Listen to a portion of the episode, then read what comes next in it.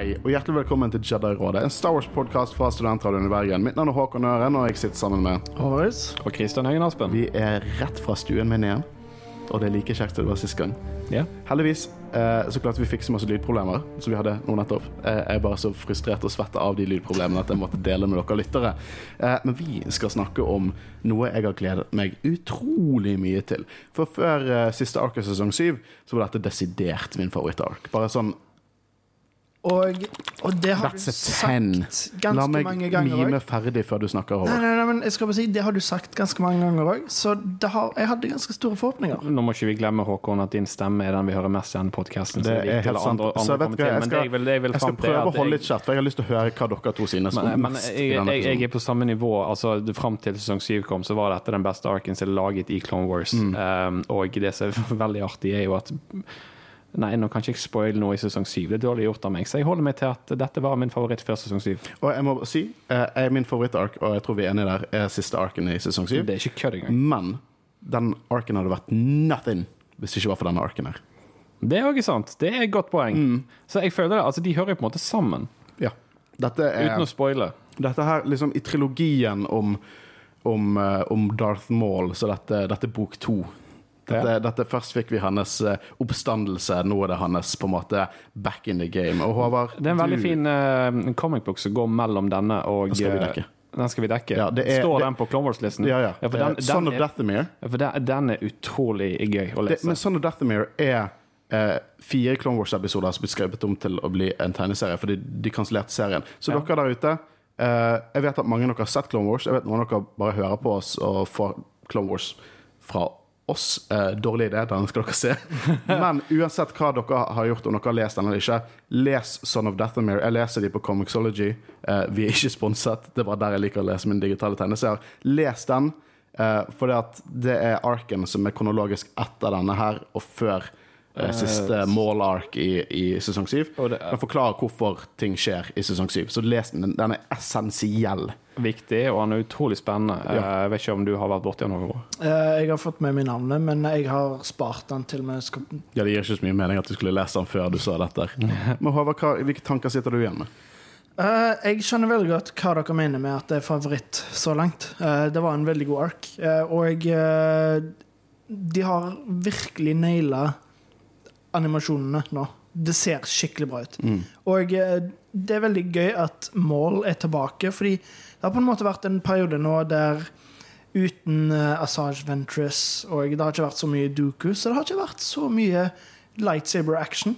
Det har liksom bare vært mye kloner og sånne ting. Så det er kjekt å få litt god lightsaber action igjen. Ja, for det er opp til nå best action. Hands down.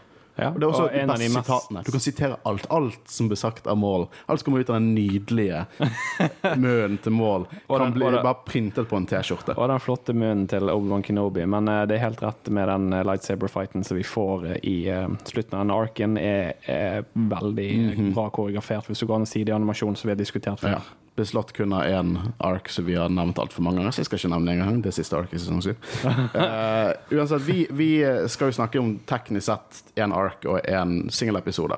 Uh, for det at vi skal dekke første episode av sesong 5, som er kronologisk etter denne, disse Saw Guerrera-episodene. eh, og etter The Gathering og alt det der med sirkus og Grievous angriper Hondo og Naka. Hondo snakker jo faktisk om at Grievous kommer og angrep i denne episoden, og så skjer det egentlig et par episoder senere. Eh, men vi skal dekke episode 1 fra sesong 5, Revival, episode 14 fra sesong 5, Eminence, episode 15 fra sesong 5, Chase of Reason, episode 16 fra sesong 5, The Lawless, en av de beste Clone Wars-episodene noen gang laget. Eh, men vi har andre ting vi alltid maser om i introen til disse episodene. Så kan vi begynne bare med sånn eh, Jeg hopper først til Håvard, så hopper jeg til deg, Kristian, så vær stresset. Først, eh, sosiale medier, eh, Håvard. Hva faen bør de gjøre når det gjelder den? Eh, en eh, god start er jo i hvert fall å like på Instagram og Facebook, så får dere med alt. vi Ja. Twitter. Du har Twitter, Ja, utrolig ja, god der har jobb vi det. med Twitter. Ja. Jeg var inne og sjekket. Hæ? Jeg var inne og sjekket Twitter. Du har Ja, god jobb. Ja, vi har litt Vi har ti følgere nå, tror jeg. Så det vokser jo eh, Så det fortsetter sånn. Mm. Nå er vi Og snart på jeg, chat. eh, Håvard tar over Snapchat eh, hvert øyeblikk nå. Kristian, eh, vi er jo på app Vi har laget mer enn det, men vi er på vår eh, hovedepisode nummer 49 nå. Det vil si at neste uke så er episode 50. Ja. Og under den anledningen så eh, har vi tenkt å gjøre noe. Fortell oss om det, Kristian. Nei, det er jo jubileumsepisode. Det er helt utrolig at vi har spilt inn 50 episoder. Helt utrolig. Det er helt sykt. Og det er jo bare gøy, og vi har eh, Jeg gleder meg til episode 100, jeg. Kommer til å være lei av Star Wars innen episode 100. Eh, Men det vi har veldig lyst til å gjøre, er å lage en liten sånn konkurranse som vi kommer til å poste på Instagram, eh, og kanskje et annet sted. Jeg vet ikke om Facebook.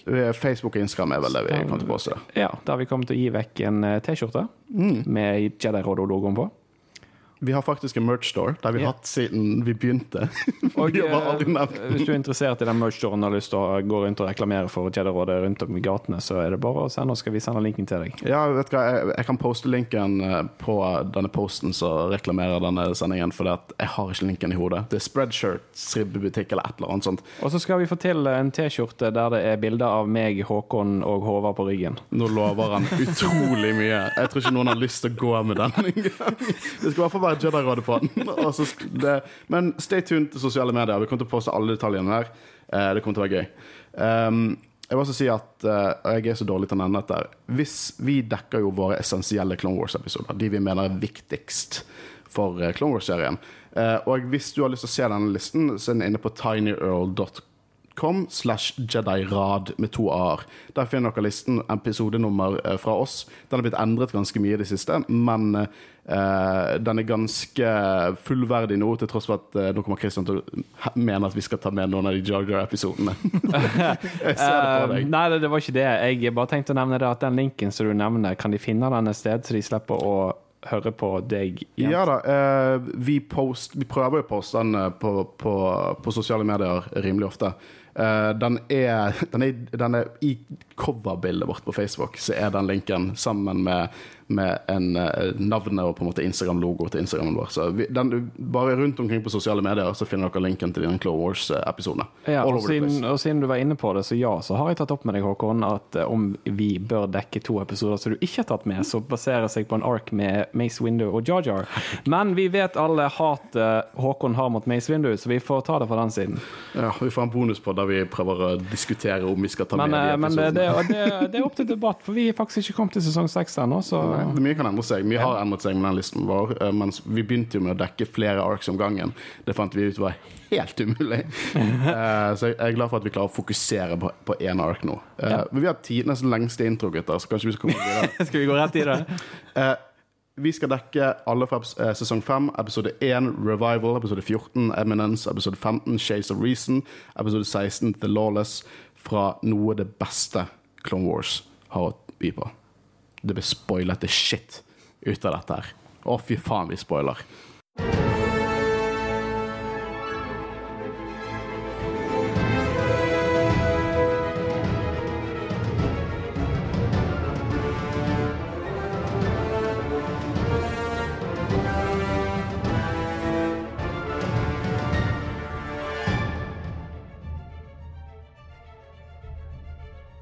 OK, episode 1 fra sesong 5, Revival.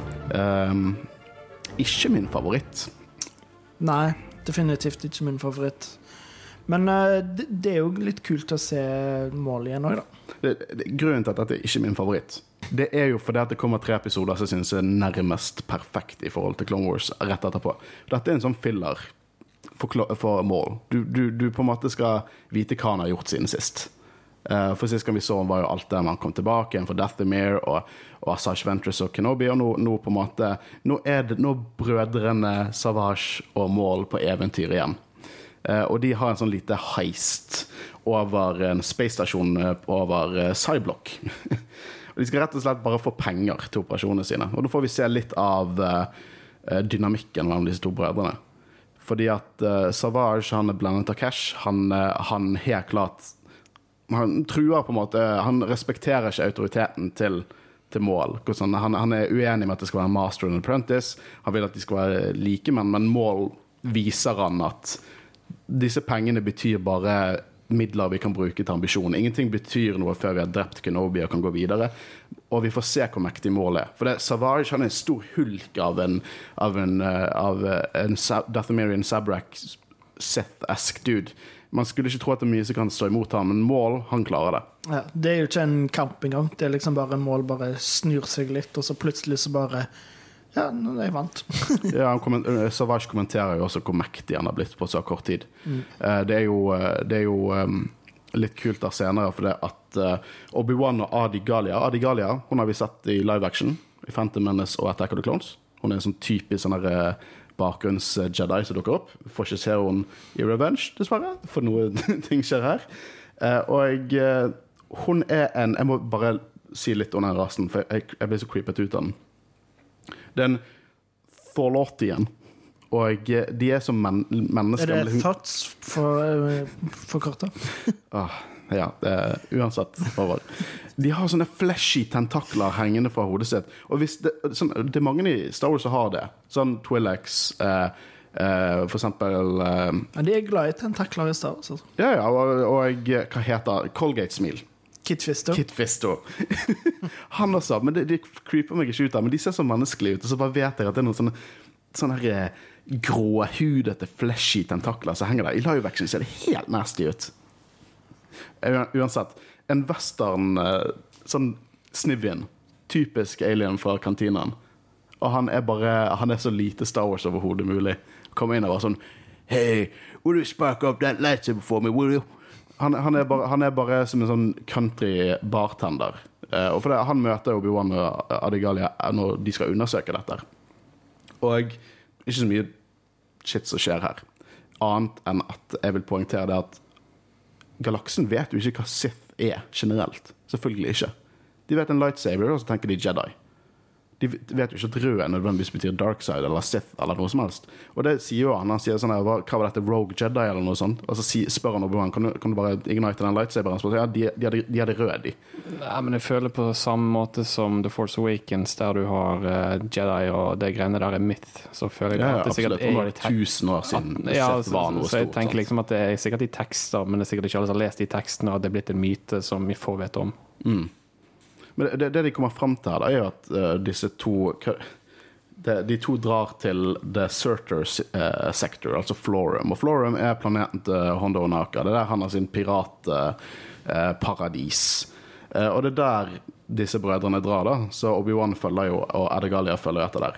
Og det som er gøy i Florum For det er derfor vi ser Vi har sett de før i Clone Wars, men kanskje ikke i episoden vi har dekket. De er eh, 60-tallsromskipene de er som bare er flyvende tallerkener. det ser så kult ut. Og eh, det er ganske unikt for Star Wars, føler jeg. Det er Ja, ikke så mange unikt. skip som er sånn, men det var veldig gøy å se sånne typisk flying saucers, Mm. liksom. Men de lener seg liksom rett inn til den 60-tallsmentaliteten. Sånn old school sci-fi. Og vet du hva som er det gøyeste med de Ok, Gjett hva de skipene heter.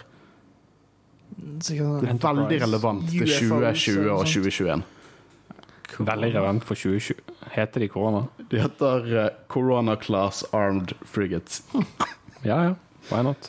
Ja, og jeg, nå får vi se piratene til Hondo og Naka, og jeg eh, Kort sagt, målet så var ikke lurer de på om bord, og siden pirater er pirater, så får de bare en hel gjeng på lag med seg, og så skal de på en måte ta over Hondo sin, eh, sin, sin operasjon. For det at Mål han, har, han, han, skal, han skal gjøre ting. Han skal bygge opp noe.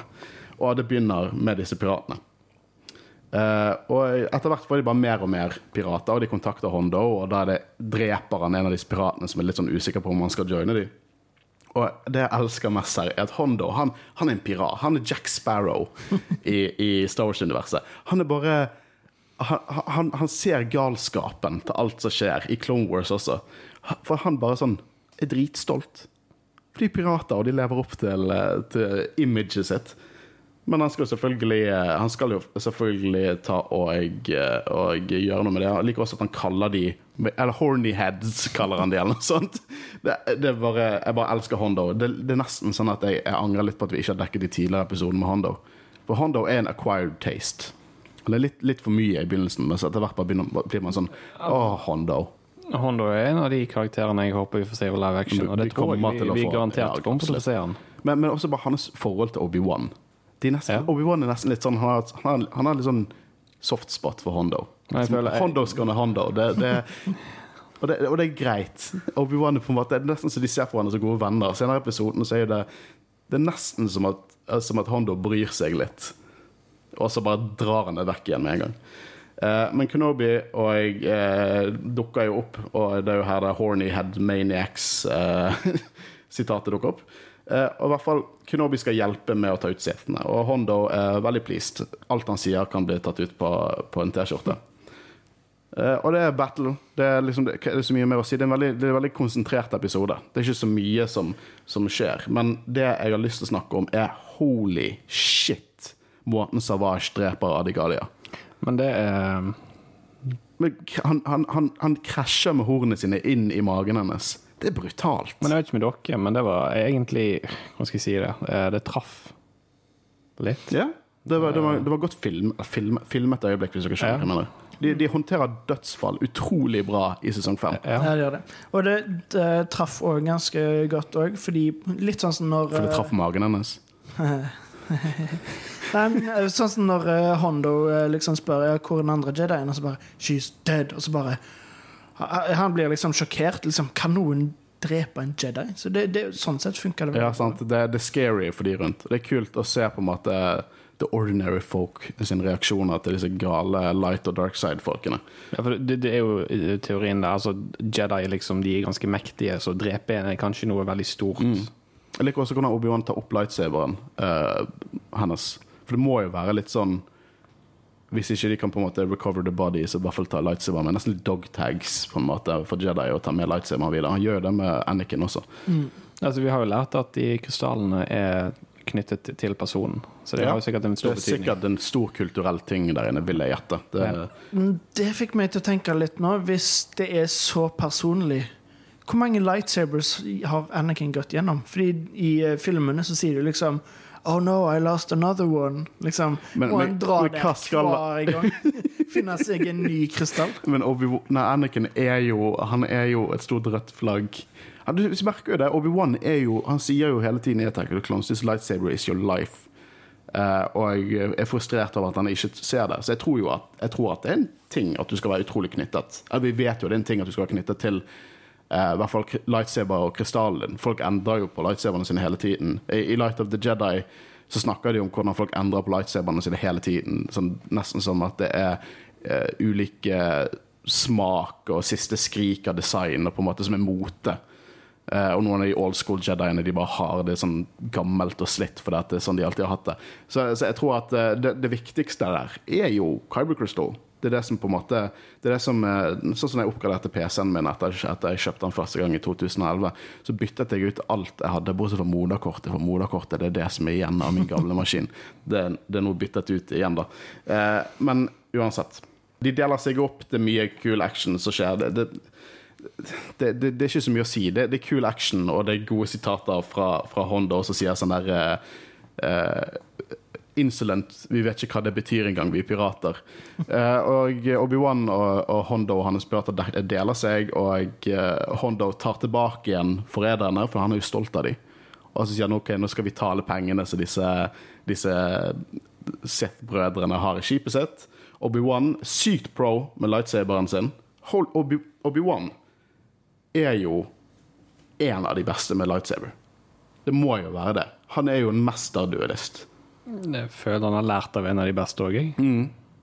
Eh, og det er en egen Vi kommer til å dekke mer av det.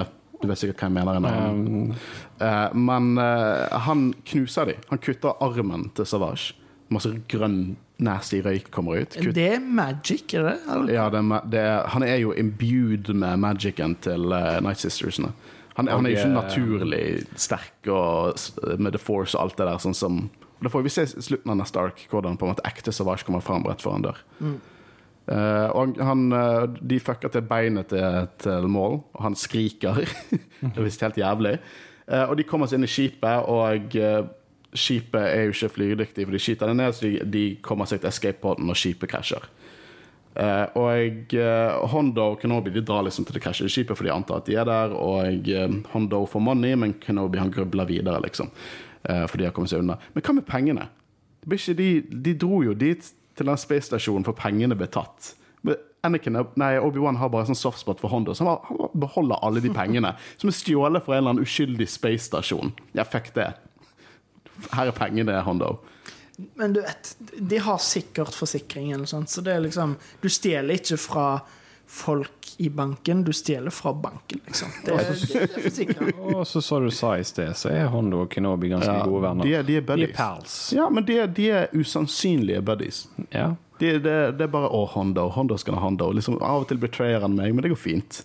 Um, Obi-Wan drar tilbake igjen til, til Rådet og Palpatine. Og Palpatine snakker om at dette er en personlig sak, og fokus må gå mot Doku og separatistene. Og en på en måte Ok, Vi vet jo at han, alt han sier, er jo møkk, og han har sin egen agenda. Men la oss si at Palpatine var for real. Så skjønner jeg litt hva han mener. Det, det er jo ikke en per den datoen en liksom gal eh, galaksetruende Altså hvis du, Opplegg. men, hvis du mener det at hvis Palpatine ikke hadde vært Palpatine, på en måte, hvis han hadde bare vært, Bare vært ja, det- Chief da- Palpatine, da, da, da hadde jeg vært helt enig. Da er fokuset separatistene, Doku og Grievous. Ja. Men du skjønner jo det at han vil ha rådet vekk av at han vil ta seg av sin gamle uh, trainee. Mm. Og jeg, Yoda er jo enig med Palpatine. Uh, og de undervurderer jo helt klart mål. Så absolutt. Tror du at Palpatine var klar over at Mål fortsatt var i live, eller er det mer sånn Tror du han ble overraska? Er, jeg tror han ble overrasket. Jeg tror han ble, ja, det, ja. For jeg, jeg, jeg har skrevet i notatene her eh, Hva er planen, Palpi? Du har ikke forutsett at mål kom tilbake. Det nekter jeg å tro. Jeg tror ikke Folk senset at Moll var tilbake igjen når Savage fant han. Det var da de begynte å sense det. Jeg tror at han har holdt seg undercover som bare faen. Sikkert fordi han mistet identiteten sin litt og på en måte ikke klart å komme opp til sin egen styrke. Men det er interessant eh, hva Palpatine tenker på dette her, og jeg vet ikke. Det må være veldig sånn kjipt for Kenobi etter episode 1, Phantom Menace, å liksom få på CV-en Åh, jeg drepte en sitt, gud hvor kult, jeg har det på CV-en, og så er han i live, så må du stryke det. Men han fuckings bruker jo det. Han, han vet hva, I episode Revenge of the Sith Han bare sier sånn oh, Our Sith Lords are our speciality. Hvor mange Sith Lords har du drept Kenobi? Really? Du har ikke noe mer enn å, enn å komme med sånn half-man-jokes til mål. Det er alt du har å gå på. Men eh, i og med at Maul på en måte holdt seg litt skjult og alt mulig sånn, tror du at han Vi har jo òg sett at han er utrolig kraftig og sterk og alt mulig sånn i denne episoden her. Tror du han er mye sterkere enn han var i Phantom Menace? Tror du bare alt hatet har bare Litt sånn som uh, Sånn som vi har snakket om at eh, Palpatine torturerer Vader for å få ut Og at han har liksom vondt i drakten for å liksom øke den mørke siden. Tror du at Ja, jeg- jeg Kan, kan, kan jeg begynne? mye sterkere? okay. nå? Nei, jeg, jeg vil bare si, for det bygges veldig på det du sier med hat. For at det er der jeg føler mål hvor styrken har kommet fra akkurat i dette tidsspekteret. Er at hatet hans er så sterkt, og det gir han så mye ekstra krefter. Eh, og fram til han da er delt with Kenobi, så tror jeg han har en såpass styrke eh, som gjør at han Ja. Det, Jeg, jeg, er- jeg er helt enig. Jeg- Ok, La oss gå tilbake igjen til liksom Spider-Mall. For det, han var der. Han var ikke seg sjøl. Det, det er to ting han husker. Han husker sitt hat for Kenobi. Han husker Han, han siterer The Sith Code eh, der, som er faktisk tatt rett ut fra Nights of the Old Republic. Eh, shame on me for å ikke nevne det i denne episoden. Men han, han siterer Sith Code. Han, han nevner liksom hatet sitt til Kenobi, og frykten og sinnet og alt det der. Og det, det virker som nesten det er bare liksom dark force energy som holder hele den mekaniske kroppen sammen. Så jeg tror at ja, mål nå eh, er betraktelig sterkere enn mål noen gang har vært. Eh, og jeg, jeg tror at eh, det sinnet til Kenobi, som er absolutt en stor faktor inne her, er også hans største svakhet. For det, han, han kaster ikke det fra seg. Det, det kommer til å være mål sin sånn det Det kommer til å være mål sin ting fram til hans siste dag er sinnet til Kenobi.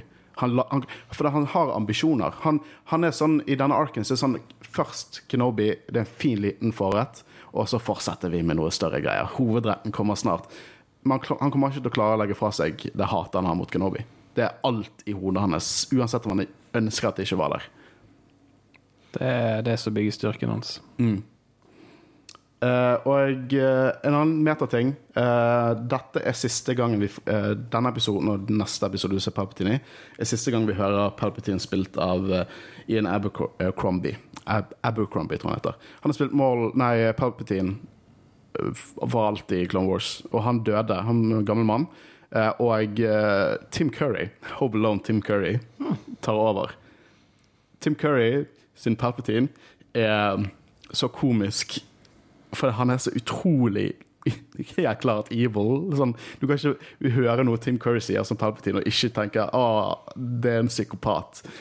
Eh, men eh, det som er litt sykt, for jeg leser den detaljen, at han, eh, Tim Curry har én setning i denne episoden. Men den er splicet inn med en hel dialog for Ian Abercrombie. Og de har ikke samme stemme at all. Og etter det ble sagt ut, så jeg hører den ene setningen i en tale fra Palpatine som var sånn Åh, det er bad. Eh, men det var episode én fra sesong fem. Um, den er jo ikke dårlig. Det er ikke det den er. Nei, han er ikke dårlig, men eh, han bygger jo opp mot det vi skal snakke om nå. Ja. Og jeg, eh, jeg har ikke noe mot episoden, jeg liker han, det er grei oppbygging, men eh, det er jo ikke en direkte del av den arken vi skal snakke om nå. Det, det føles definitivt ut som en introduksjon til resten av arken. Ja. Liksom, hvorfor ja, det eneste, Jeg føler eneste grunnen til at den episoden er med, er sånn at de kunne De skal være på denne escape-poden til neste episode. De, det er liksom, de kunne hatt det en helt annen episode, og hvis det hadde slutta helt likt, så hadde liksom, det hadde ikke hatt Mm. noe å si. For det er kun Det er selvfølgelig litt karakterutvikling, da. Men jeg føler Escape-poden er eneste grunn til Ja, at episoden eksisterer. Og dynamikken mellom, mellom Savage og Maul. Ja. For Savage må bli, han, må, han, han må bli dyttet til å være The Apprentice. Og i neste arken så er han The Apprentice. Eh, han, han blir kalt Apprentice, og han er helt OK med det. Så, eh, og jeg hadde ikke kjøpt at han bare eh, fra sånn Vi ble jo først introdusert til Savage og Press i eh, i Clone Wars. Og jeg, sånn vi ble introdusert til han, så hadde jeg ikke anerkjent han til å være en fyr som bare bender over raskt. Eh, han, verden er jo, galaksen er hans plaything. Så det, det bare sier hvor utrolig sterk og fryktinngytende mål er at han klarer å få en person som det til å bøye seg for ham. Mm. Um, neste episode, da, episode 14, Eminence, og det er her det begynner. Her, her begynner vi å få se The Shadow Collective til, til mål. Det som kommer til å utvikle seg til det mindre store, men fortsatt imponerende Crimson Dawn i solo. Hele denne arken vi kommer til å gå på nå, den kommer til å definere indirekte ting vi ser i The Mandalorian. Det kommer til å definere ting vi ser i, senere i, i Cannon. Hvordan skurkene eh, oppfører seg i, i solo av Star Wars Story. Eh, det er utrolig viktig episoder for, for Maul, for Kenobi, for Mandalorians, for Bo-Katan, for The Dark Saber, og liksom all the juices. The juicy greiene vi finner i Mandalorian og, og filmene og alt. Det er sånn Her er dette på en måte Det her treet bare begynner å gro. Det her, det her frøene spirer. Det her eh, Det er bare så jævlig bra. Det er så bra. Og vet du hva, dette er den beste arken um, pacing-messig. Det er tre episoder. Hver episode forteller sin historie. Det er ingenting som kan bli kuttet fra denne arken. Altså, vi har snakket om det i de forrige sendingene, av at eh, det har vært for lang, eh, og det kunne vært kuttet episoder. Her er ikke det tilfellet. Her er det perfect. Det er helt perfekt. Eh, og jeg, jeg har fått hat for å si at uh, jeg digger det for mye. Men vet du hva, folkens? Jeg elsker det. Eh, jeg forventet det skulle være mer, mer dramatisk. Men Escape Poden Oh, Yeah. Du elsker det så bra.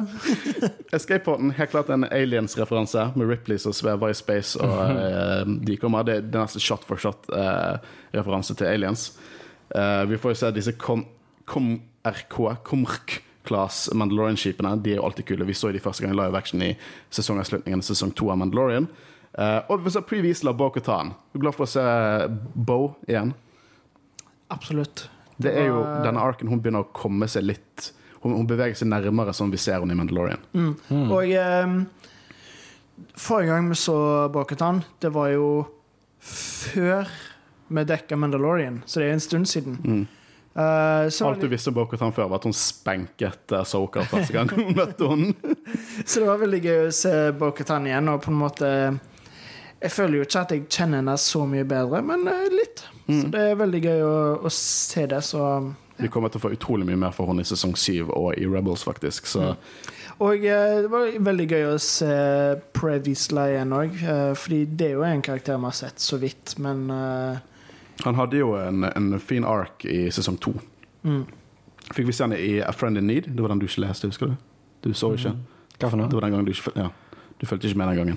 Nei, uh, altså, jeg, jeg, Need fikk vi se jeg, jeg hadde sett episoden, men eh, det var såpass lenge siden, for jeg har ikke fått med meg at den sto på listen, så jeg hadde ikke sett den opp igjen. Ja, det var litt my bad, det, uh, det skal være ærlig. Men uh, det var sist vi så de, og det var også en sånn filler-episode for å skjønne at de ikke lenger er med separatistene. Previsla enda mer Douchey, Ja, han, basically. Han er, han, han er douchey, det er han ikke gikk noe fra engang. korrupt uh, byråkrat Altså- til å bli liksom uh, Sons of Anarchy Mando. Når- når du- lederen når du- av en bikerklubb. Når du går Liksom. med hendene bak ryggen og prater sånn som det der, så du ser den episoden, tenker du faen for en douchebag. Ikke snakk sånn om Vader. Vader gjør det hele tiden. Vader? Vader han tar, går alltid med hendene bak ryggen. Anakin, da.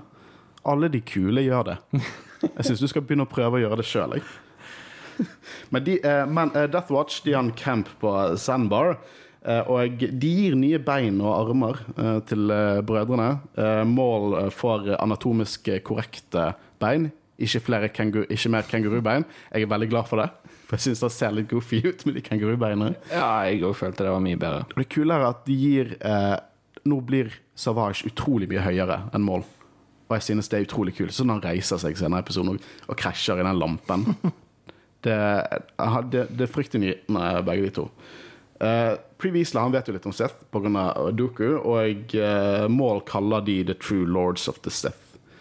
Jeg liker, jeg liker å kalle de The True Lords of the Sith, altså. For at, hva faen Doku? Hva, hva faen Doku har på mål? Gamle tullinger har ingenting på mål. Uh, og uh, Mål har jo helt klart et bittert syn på Doku. Kaller han, de kaller han Sith Pretender. Eh, og eh, senere i historien får vi vite at han, han ser på han som en sånn gammel fool av en mann, på en måte. Selv om de, de kommer til å ha litt interaksjon i sånn, uh, Son of Deathamere, så igjen, det er verdt å lese den. Jeg lurer på om Duku visste at Moe var i live. Uh, han vet det etter alt dette skjer. OK. Eh, de begge hater Kenobi. Yay! Best friends! Og, og jeg uh, Previsla spør i mål hva han leter etter. Det er Fortune and Power, og jeg eh, Så jeg vil på en måte gir Previsla litt sånn Han ble han bare OK, det, det, jeg kan bruke han til noe. Jeg tar han med inn i teltet, drikker te. Veldig sånn uh, mongol, Genghis Khan-esk ting med Mandalorians her, med de teltene de lager, og teen de drikker. Uh, så Previsla forklarer liksom Mandalorian situasjon, Duchess Satine, pasifisme, pingler. Eh, og De har altfor mektige venner i The Jedi og Kenobi, og de må på en måte knuse Kenobi for å få kontroll over Mandalorian og knuse Satin, bla, bla, bla. Eh, og eh, Mål tenker Gud, her har vi folk som nå, nå kan vi bruke disse ærefulle tullingene til å på en måte få det vi ønsker. Uh, og han viser litt styrke ved å kvele Bokhatan, fordi at, som sagt, Bokhatan uh, sammenligner med Duku, og det liker han ikke not one bit. Eh, og Maul går tilbake igjen til Savage, og jeg liker det at Savage sier at Odia er en ny, enda en svakhet. Mm. Jeg liker òg veldig godt uh, når Bo-Katan endelig liksom blir uh, Når Mål slipper taket, så, og han går ut, så ser jeg liksom bare Smiler skikkelig. Liksom, jeg ble nettopp kvelt. Så liksom Smiler på den måten? Hva du vil nå? Så så rart ut. Nei, det, det, det, vet du hva? Det er flere sånne øyeblikk der hun kommer med noe litt sånn eh, seksuell hinting på feile situasjoner. Jeg har allerede poengtert det ut den i siste episoden i den. Men det, det, det er jo Jeg skal bare la Håkon le ferdig her. Christian, hva skal du si? Jeg skal- Christian, hva skulle du si? Eh, det jeg skulle si, var det at eh, jeg liker eh, at eh, her har jo Du ser jo i forhold til det smilet som Bogdan gir fra seg, at de har en plan til å bruke mål og eh, Kan jeg kalle han for Savage? Nå, da? Savage. Savage. He likes to press people. Um, men eh, det som er veldig kult, der er jo at det er jo stikk motsatt òg. Mm. Mal og uh, Savage bruker jo Previsla og uh, Bokhatan på samme måte, så det er veldig kult uh, fram til du ser endgamet. Det er nesten sånn at begge de faksjonene, Death Watch og Kan jeg kalle det The True Thith? Sith? Mm. The True Seth? Er nesten som en sånn parallell til The Rule of Two, der begge prøver å overkjøre hverandre. Begge sånn, Hvem er på toppen, hvem bruker hvem, og begge har sine dystre forhold til dette. Nei, liksom mål bak hele denne planen. Men på en måte så føler jeg at Previsla eh, gjør jobben bedre med å prøve å lure dem, for at eh, han går jo virkelig for, føler jeg, at Maul er på en måte mer leder enn det han er, med å si Lord Maul og sånne type ting. Ja, han, han, han, han, kysser rumpe. Ja. Mekanisk rumpe. Han kysser mekanisk rumpe Eh, helt til han, han på en måte Vi kommer tilbake til det. For at jeg føler at han har en viss eh, tankegang at Mål skal nok en gang svikte Altså betray ham. Åh, Frederi. Um, men det tror ikke jeg Mål har en teori om at Previsla kommer til å gjøre. Ja, for det, Senere i arken så begynner Mål å snakke om på en måte Han snakker ned til Previsla. Previsla, vil ha Mandalore. Si hva du vil om han. Han bryr seg kun om Mandalore og kulturen til Mandalore. Og det, det er egentlig eh, På papir veldig flott. Ja, han er veldig flott, men problemet er hvordan han vil gjøre det, Ja, ja, og hvordan han vil styre det. Det Det er er disse uh, mens Mål har jo helt klart Han vil lage et kriminelt empire. Han vil, han vil bruke liksom eh, Mandalore og alt til å bare skaffe seg en underverden med flere tusen systemer. Og det er jo helt klart sånn OK, du kan få den lille Mandalore, men eh, du skal jobbe for meg, og jeg skal gjøre det mye bedre enn deg. Og, og Previsla setter jo ikke pris på det. Så det er mye hat og bitterhet her, og det er en tautrekningskamp der tilsynelatende er det Previsla som han har kontroll, helt til han ikke har det igjen. Men eh, nå, nå faller vi eh, fram tilbake. Det de skal gjøre i denne episoden, er at de skal starte denne her De, de må samle kreftene sine. De har Death Watch, de har uh, Sith-brødrene. Uh, men det de skal gjøre nå, de skal dra til Mustafar.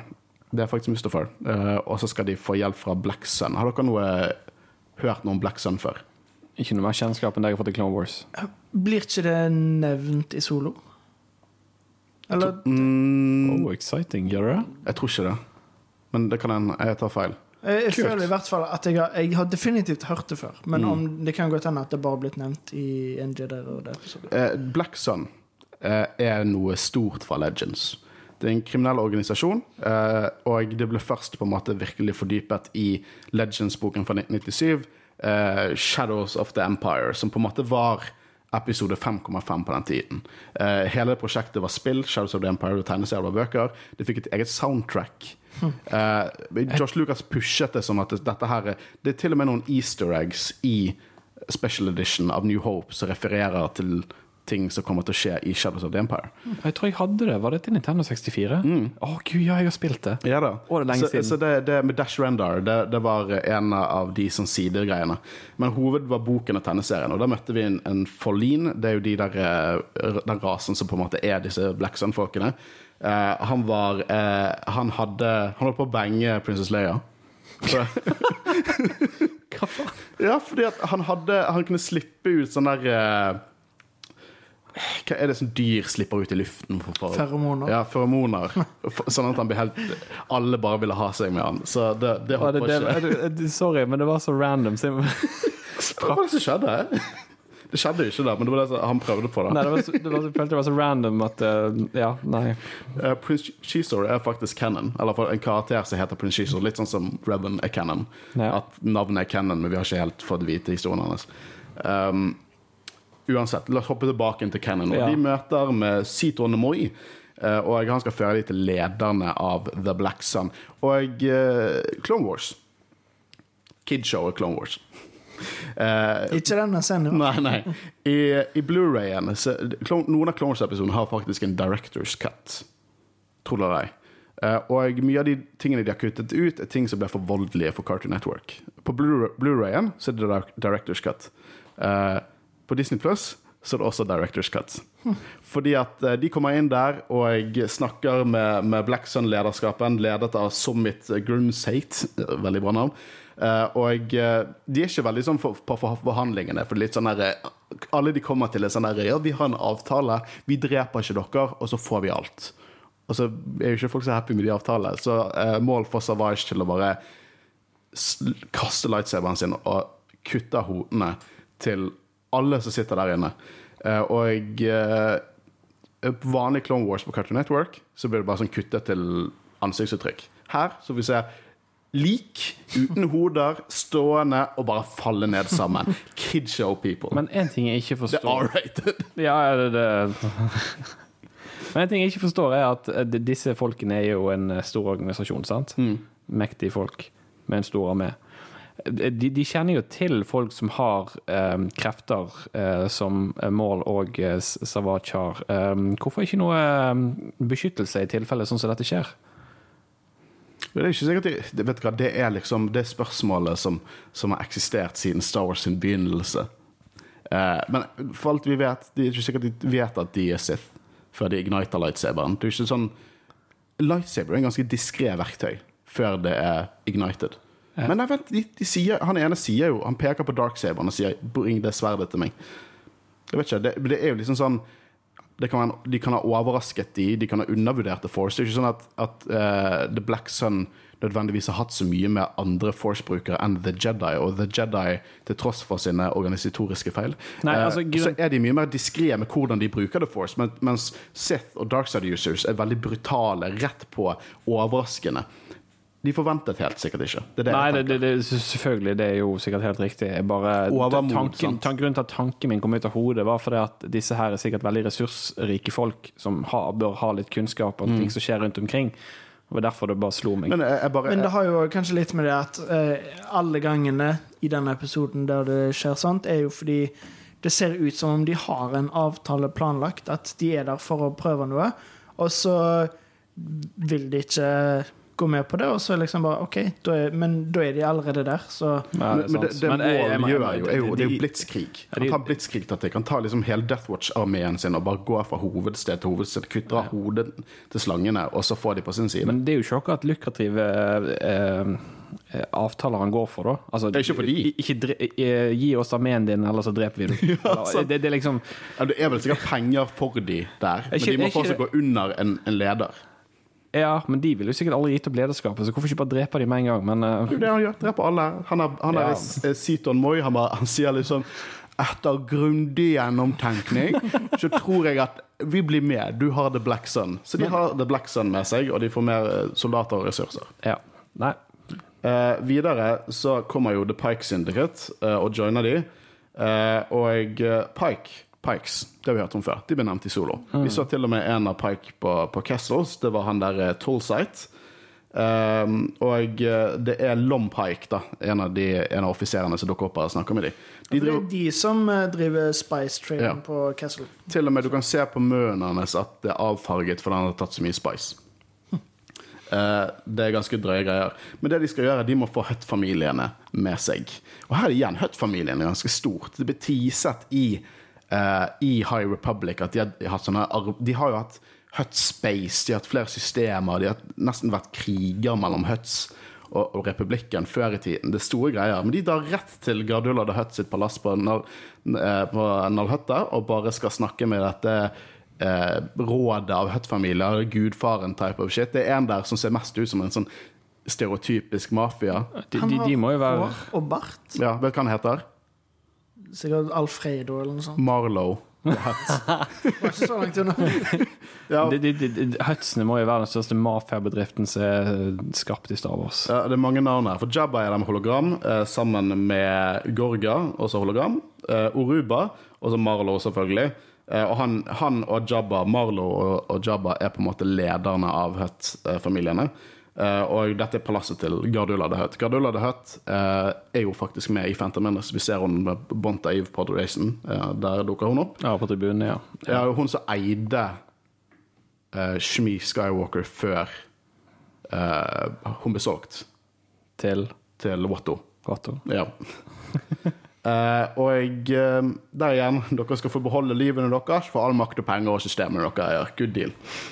Uh, jeg liker hvor utrolig sjef målet er. For det kommer masse sånn dusørjegere, og så kaster en en kniv. Han bare, han, bare, han bare vet lojaliteten til broren sin, og han gjør ingenting. Broren bare stopper kniven rett før det treffer han. Eh, mål, målet er så jævlig kul. Badass. Ja. Eh, så dusørjegerkamp. Vi får se noen kjente fjes. Dengar, for eksempel. Noen av de som var med i forrige episode. Vi får se Uh, Sugi, tror han heter. Så litt kult. Vi får se en vanlig Sabrak der, mot uh, Dathomirian Sabraks. Da ser vi forskjellen. Eh, og eh, Bo-Katan, hun, hun på en måte dukker opp med sin Night Owls. Uh, og uh, hun begynner å snakke om sånn der uh, hun, det, Night Owls er på en måte en underdivisjon hennes for, i Death Watch. Det er hennes folk i Death Watch. Jeg liker også hun nevner sånn Å, det gikk bra med forhandlingene. Så tenker jeg bare, hvilke forhandlinger? Var det planen hele tiden å gå inn og si det shitet der? Det, det, er, jo ingen, det er jo ingen som kommer og går med på det. Uansett, det, det, det er alltid kjekt å se Dark Darksaberen bli brukt igjen. Det, det er en utrolig kul kamp. Det er kul action. Hva mer kan jeg si? Ikke så mye, egentlig. Godt oppsummert. Stakkar. Eh, Kult. Det som er gøy, er at når, vi, når jeg var yngre, så hadde jeg heller lyst til å diskutere bare action og ikke dialogen. Men nå er det nå er litt sånn gammel og quote on quote vis, så det er dialogen som betyr noe. Uh, det ender med at de har Oruba the Hut, og det er en liten sånn gøy greie der. Altså, det er alt du kan si til meg at Jabba befinner seg i Jabbas Palace. Eh, så vi dreper han. Eh, og eh, de drar mot Jabba, og før det så blir det liksom snakk om de høyere ambisjonene som Mål har, og Previous liker ikke. Det har vi gått gjennom. Det er denne pissekonkurransen. Og Previous skal bli Mandalore, mens Mål han skal regjere en ny Galactic Underworld. Og Mandalore har over 2000 nøytrale systemer, så han kan bare misbruke til, til alt han ønsker. Det er utrolig fett. Eh, Mål er i ferd med å lage sin nye spiller. Sin, faksjon som er en spiller som kan konkurrere med ikke bare republikken, med separatisten òg. For han driter i de, han skal knuse de to. Skal være, skal, det, det, det som skjer i denne episoden, gjør at selv om vi ikke har sett det i sagafilmene, målet er en av de store spillerne i Star Wars-universet. En av de kanskje En av de vikt, mer viktige også. For hele canon. Hvor trussel han blir. Det, og, og jeg, bare sier ut ifra hva Maul gjør i denne arken. Jeg skjønner godt det, Dette er rykter, men jeg skjønner godt hvis Josh Lucas hadde lyst til å bruke han som the big bad i hans sequel-trilogi, som ryktene tilsier. Ja. Det, de bygger han opp til som sinnssykt mye mer enn det han var i Phantom Menace, og eh, det er utrolig kult. Eh, og eh, de tar på en måte over uh, Jabba's Palace. Jabba ler uh, og blir med de, og vi, vi ser de dreper noen Gamorrean guards som ser helt ubrukelig ut i Clone Wars-stil. Uh, og så får vi vite det på slutten at Previsla helt klart da har planer om å fjerne mål fra bildet før dette går gjennom. Jeg tror vi bare hopper rett til neste. Episode 15, Shades of Reason. Dette begynner jo på Mandalore og Sundari. Planen her er jo det at, eh, at gangsterne skal angripe og få Satin til å virke svak og ikke klare på en måte å gjøre noe med det. Men så skal Death Watch komme inn og, redde de og på en måte bli sett på som helter hos folket. For hvis de bare tok en hostile takeover, så hadde ikke de fått folket på sin side. Og jeg kan ikke si at det akkurat er hederlig av dem. Det er på en måte ikke en, en veldig Det er ikke veldig Mandalorian av dem. Det er propaganda på sitt beste. Ja, ja.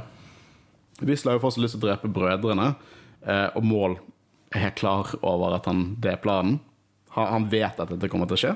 Ja. Og vi ser at Savage vokser opp. Han viser litt mer uh, han, han, han, han, han tenker litt mer i denne arken. Han er litt lurere. Det, du merker at mye av mål på en måte uh, smitter over på han da. Han begynner å lære at det er mer enn på en måte bare direkte dreping og hat. Du, du må tenke litt hvordan du gjør dette. Uh, greed never fails to motivate, er vel eh, noe som ble sagt der. Eh, og selve angrepet eh, gjelder Satin og hennes sånn pasifiststyre. De, de er jo helt ubrukelige. Det er en hel planet. Det er hovedstaten. Det er hovedstaten for 2000 systemer. De leder de. Og så kommer det et par sånne kriminelle organisasjoner, og så er de bare sånn helt ubrukelige. Det det er som bare- Danmark under andre verdenskrig. Det er liksom tre forskjellige steder, og liksom Å, nå nei, de, de går inn i banken. Å nei, de kom ut med to kofferter. Hva skal vi gjøre? De er helt ubrukelige. Jeg skjønner det ikke. De fortjener jo ikke å ha det. Jeg er faktisk litt, jeg er litt konflikt bak alt dette her. For at Pree Weasley er en drittsekk. Han er ond. Men jeg har jo lyst til at han skal vinne. Jeg har, for jeg liker ikke Satin. Det, det, det naive, hoiti-toiti-drittstyret hennes, liksom. Å, vi nekter å løfte eh, våpen. Å, vi klarer ikke å beskytte oss fra et par kriminelle organisasjoner som angriper på samme Det er en hel planet! Det, det er en svær by. De, å, de er helt Ja, det, er- det er utrolig at de ikke greier å forsvare seg på noen måte i forhold til angrepene som kommer, men på samme måte som du sier at Satine kanskje er en svak leder, så tar han iallfall Mandalore i den retningen det burde gå i forhold til Previsla. Ja, men hun, hun, hun har utro... Liksom, la oss være helt La oss si at vi bodde i, i Star Wars-universet. Til tross for hva vi egentlig har lyst til å være Mandalorians, som badass Mandalorians med kulehjelmer og sånne ting. Hvis vi bare var vanlige folk i Star, eh, Mandalorians så både på den tiden Hvis faen ville jeg bo under satin Bare ingen korrupsjon, det skal være frihet, Ja, eh, demokrati, alt dette her. Men hun er den svakeste jævelen som eksisterer. Hun, hun mister jo helt hodet. Når det bare skjer noe bad. Basert på måten hun har lyst til å styre, så går det fremdeles an å ha uh, badass-rustninger. Det går fremdeles an å ha badass-pistoler så de kan skyte med og ha det gøy Men med. det er ikke like gøy. Nei, det, den ser Men jeg lurer òg på om uh, Altså, det er jo Clone Wars, så selvfølgelig Det var litt sånn som i forrige ark, når det liksom Å, de ødela energigeneratoren. Ja, de er på vår side. Så var det liksom med en gang Previsla kom, så, så liksom masse folkemasser som sa Visla! Visla! Men, Ja, men er, det bare det- er det bare fordi det er Clone Wars, men- eller men- tror dere at Ja, men jeg, jeg vil påpeke én ting i forhold til uh, akkurat det som skjer med Previsla Previsla, uh, i forhold til forrige ark. Um, at her er det i alle fall litt mer engasjement, det er mer jubel, mens i forrige ark så var det liksom Ja, all around, én person, liksom. Jeg føler litt mer Jeg med det her. men, jeg, men jeg syns, Ja, ja, jeg syns folket har mer grunn, basert på hva de ser, så det er mye mer grunn til å bare gå over på Visla. Ja, men de blir- nettopp blir vist si nå, Denne gangen gir det på en måte litt mening, men, men det kan jo òg bety at uh, Satine ikke var en så populær leder, hvis folket blir så lett overbevist. Men folket får et bilde som Previsla skaper, eh, med at han er the savior. Eh, som han prøver å lure de til å tro han er, for å få de på hans side. Og det, ble, han, det ble jo helt feil. Han, det er jo korrupt som faen. Ja, ja, absolutt. Det er superkorrupt på begge sider. Eh, men jeg bare, jeg, bare jeg, jeg er ikke glad i Satin. Eh, jeg bare syn, jeg, syn, jeg vet ikke, sånn, jeg, jeg liker at hun er med, men hun er, hun er, hun er så utrolig naiv.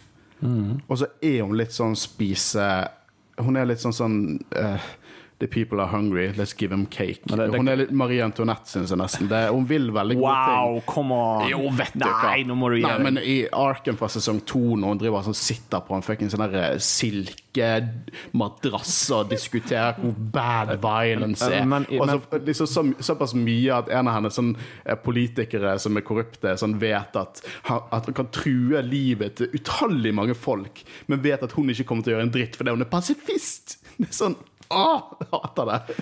Men i forhold til at hun er naiv, er jo, hun har jo kjennskap til en naiv organisasjon som vi er godt kjent med. Ja. Um, og um, jeg vet om en som er veldig glad i henne. Uh, utrolig godt poeng, faktisk. Ja. Uh, det, det er mye konsekvenser ut ifra hvordan hun kjenner det galaktiske styret i republikken. Det vil jeg tro. Jeg kjøper det totalt.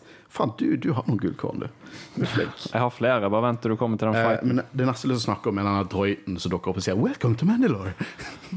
sånn der happy, gøy sånn der turistfelledroid med sånn smilefjes. Ble skutt ned med en gang. Eh, og det er jo her vi får det der at Previously sier 'As you wish, Lord Maul', helt klart. Kysser reven hans. Eh, og 'Put on a good show'. Jeg liker eh, den eh, linjen. Og Death Watch redder byen. Helt klart et vellykket statskupp, og Previsla ble eh, kåret til ny eh, statsminister i all Han er vel Mandalore nå, så å si. Og jeg, stort show med liksom vise alle disse kriminelle folkene og bare 'Se her, vi har klart det', Satine svak, bla, bla, bla. Um, det som skjer her, er jo det at Satine blir kastet rett i fengsel, og hun er jo sånn der 'How dare you touch me, you monsters? I am the, I am the Duchess Satine.' Oh. Og Almec er der. Og mye skjer med Almec. Husker Almec? Han løy om uh, Jango Fett. Fuck han.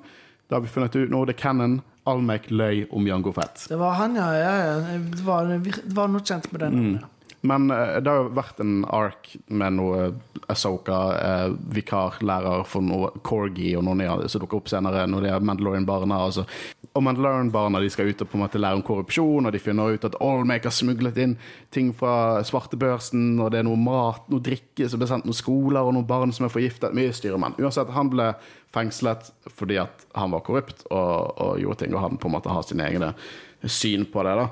Um, og eh, når Mål møter Wisla igjen, så mener jo Wisla at de har fullført, eh, fullført avtalen. Her, eh, her har vi Mandalore. Kenobi kommer til å dukke opp neste team. Og så vi dreper fall Kenobi, men fuck deg. Og så sender de eh, brødrene i fengsel, holder de ute og på en måte ute blant folket, viser de fram. Wisla har helt klart ikke like store ambisjoner som Mål, og han forventer ikke å være på en måte brikken i spillet til Darth Maul. Og det er jo veldig tydelig her at han virkelig undervurderer mål. eh, fordi, som vi ser senere, så er de jo ikke fanga, egentlig. De, de, de, de spiller med og så liksom ser hva, Mål holder et kaldt hode her, eh, for han lar det spille ut. Han, han han forventet at dette skulle skje. Og jeg liker måten det slipper unna. For vet du hva, Mål og Savage De kunne like gjerne bare vært uh, innesperret i papir. Det, det, det, det fengselet det, det, betyr ingenting. De var sånn ah, 'Kan du vise meg litt rundt i dette fengselet, Apprentice?' Men og bare knuser de i veggen. Men jeg så liksom for meg at eh, Var dette forcefield, eller var det på en måte glass? glass? Det var glass, basically. Men hva var de glødegreiene da som var på glasset? Det var ikke noe sånn aktiv Det var helt sikkert en miks av begge deler. Poenget er bare det at ingenting fengsler de to tullingene der. um, og eh, Mål har jo Han er utrolig smart. Han, han, han har funnet eh, det perfekte å gjøre, for det hele Previsla sin politiske opposisjon befinner seg på ett og samme sted under hans tak, og han har helt klart overtaket på dette. Eh, så han begynner jo med satin Og faen, hun er så naiv! For hun bare sånn Å, hva vil du, ditt monster? Det er bare meg og han korrupte politikere rett ved siden av, så du helt sikkert kan bruke til dine formål. Men han er korrupt, så du kommer ikke bruke han. Og han sånn Å, takk. Og så går han til Olmec og får litt informasjon der. Så planen til målet er å bruke Olmec som fasaden på styret til Mandalore. Han, han på en måte blir fjeset til styret, mens det er Mål som styrer for skyggene. Eh, og han skal utfordre, Mål skal utfordre Previser til duell, og basert på de eldgamle eh, Mandalorian-reglene, så kan, vil han da ta rollen som Mandalore.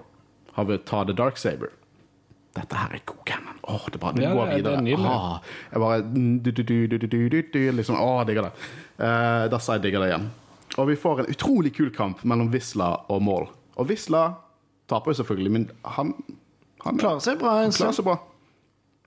Absolutt. Og jeg, har dere merket hvor mange ganger de mål, nei, målbrødrene Mål og Savage sånn løvebrøl? Sånn random løvebrøl. Så bare ta meg litt ut av det. Det har jeg ikke tenkt. Forrige episode så brøler Savage som en løve. Og det samme gjør Mål. Bare, det er en brøle. Det, det, det, brøler, det er en løve. De har bare tatt sound-samplet en løve, og så brøler de som en løve. Ganske merkelig. Jeg tror ikke jeg har fått med meg de episodene. Kunne du gitt meg et eksempel? Uh, rett, akkurat når uh, Mål igniter lightsaberen, så gjør han sånn Ah, okay. uh, og den dusørjegerkampen uh, i forrige episode, så brøler Savage som en løve. Men den fighten vi får, er ganske kul. Dritkul. Det er, ja. Og de kuleste kampene i hele Clone Wars skjer i det rommet der. Enough said. Men Previsla tar det som en champ. Han, eh, han dør, og han anerkjenner at det er kun de sterkeste som kan lede, og det er ikke han. Eh, hodet blir kuttet av. Igjen kidshow. Og mål blir av alle definisjoner av ordet Mandalore. Hvem skulle trodd det? At når du så Phantom Mendes, så tenkte jeg han her han kommer til å bli Mandalore. Jeg, når jeg så Phantom Menace, visste jeg ikke hva Mandalore var. engang. Eh, her får jo vi et ganske eh, stort eh, øyeblikk, syns jeg, for Bo-Katan, fordi hun nekter å anerkjenne det. Det er dette øyeblikket Bo-Katan og Night Owls løsriver seg fra Death Watch. Det jeg mener kommer til å bli eh, De er jo fanatiske, og de kommer til å bli den fanatiske Children of the, Children of the Watch, som vi ser i The Mandalorian. Det, det er her hun løsriver seg fra, fra den organisasjonen. Eh, og jeg synes at det er et stort øyeblikk. Og det kommer igjen Jeg, jeg ser på en måte konsekvensen av det som skjer her, helt til Mandalorian, når hun dukker opp der.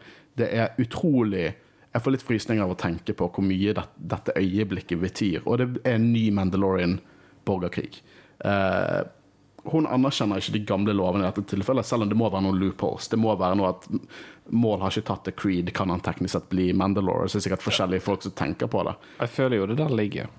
Og jeg tror at Death Watch, som er svart, sikkert utrolig binær på dette, svart-hvitt, dette er regler, dette ikke regler, ikke ser på det som en gråsone, de bare følger lovene blindt, nærmest.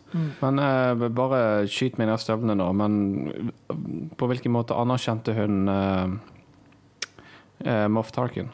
Siden han hadde lightsaber. Moff Gideon, Moff Gideon, hun har jo ikke, anerkjent, anerkjent Moff Gideon som leder. Nei, men hun måtte liksom uh, uh, bekjempe han for å ta Ja, men der, der tror jeg også er en sånn uh, liksom du, Han er ikke Mandalorian. Jeg tror ikke hun anerkjenner at han kan bli Mandalore, men hun må fortsatt vinne i kamp for å få ærefullt tak i den Darksaber. Okay. Hun kan ikke ja. bare ta den, uh, for det vil ikke være ærefullt. Uh, jeg må også si at dette med løsrivningen for Death Watch og Night Owls uh, Det er jo kommet opp en rekke teorier om Children of the Watch og The Armor.